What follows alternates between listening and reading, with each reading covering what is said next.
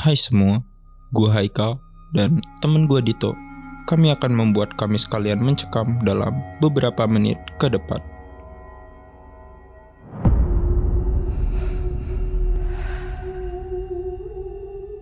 Jadi, kapan sih tuh kejadiannya itu?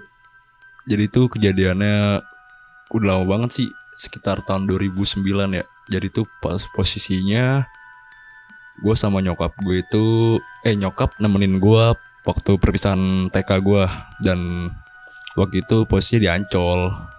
Dan waktu itu emang perpisahannya itu lomba nari. Dan gue sama nyokap berangkat siang naik taksi tuh.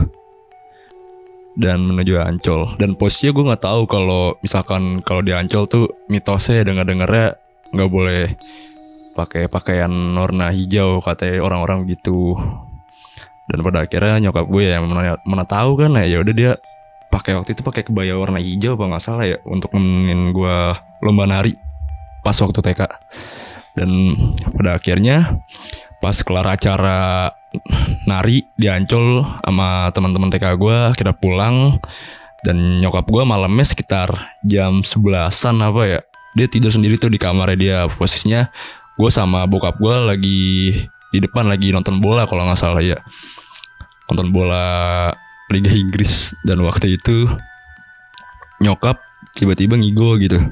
Kaget kan gue dan bokap posisinya lagi keluar lagi ke warung. Dan gue samperin. Gua- kayak ngigo nggak tahu kenapa gitu kayak nanya-nanya ngapain di sini? gitu. Kayak ngobrol sama si malas jembatan ancol itu kan. Gue nggak tahu kosi kecil kan gue nggak tahu apa apa ya kayak ngatin nyokap gue ngigo itu.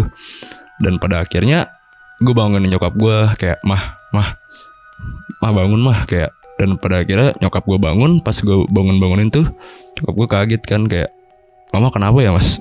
Dan gue nanya lah kok mama nanya? Kan mama ngigo gitu. Emang mama ngigo apa?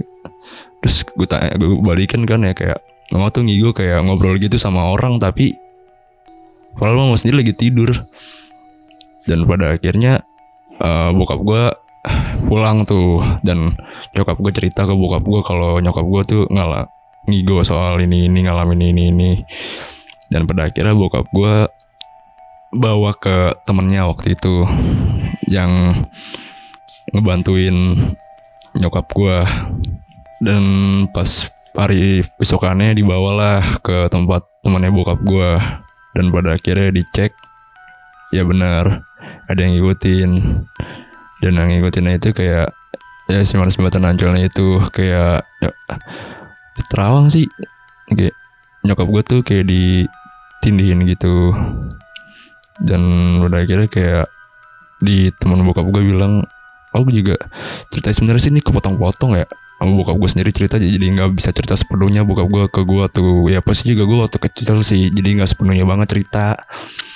Dan pada akhirnya ya udah tuh dibersihin semua nyokap gue badannya dan awalnya nggak mau lepas tuh dari nyokap gue dan pada akhirnya dilepas dan ya udah sampai waktu itu fan-fan aja pas sudah kejadian itu. Dari lu sendiri, lu itu perasaan lu gimana sih? Lu sempet takut gak sama nyokap lu setelah nyokap lu itu ditempeli ya istilahnya oleh sosok si si manis jembatan ancol ini? untuk takut ya takut sih eh karena kalau gue waktu kecil tuh nggak tahu apa apa jadi biasa-biasa gitu Oke, jadi lu tuh menganggap seakan nggak terjadi apa-apa ya? iya seakan nggak terjadi apa-apa dan gue juga nggak tahu hal mistis itu kayak gimana awalnya dan orang tuh ngalaminnya kayak gimana karena kan itu di luar nalar gitu di luar logika lah orang-orang biasa Oke, jadi mungkin itu aja pengalaman mistis yang dibawakan kali ini. Jika kalian punya pengalaman mistis atau cerita horor, silahkan kirim ke Instagram Radio Penyiaran Polimedia.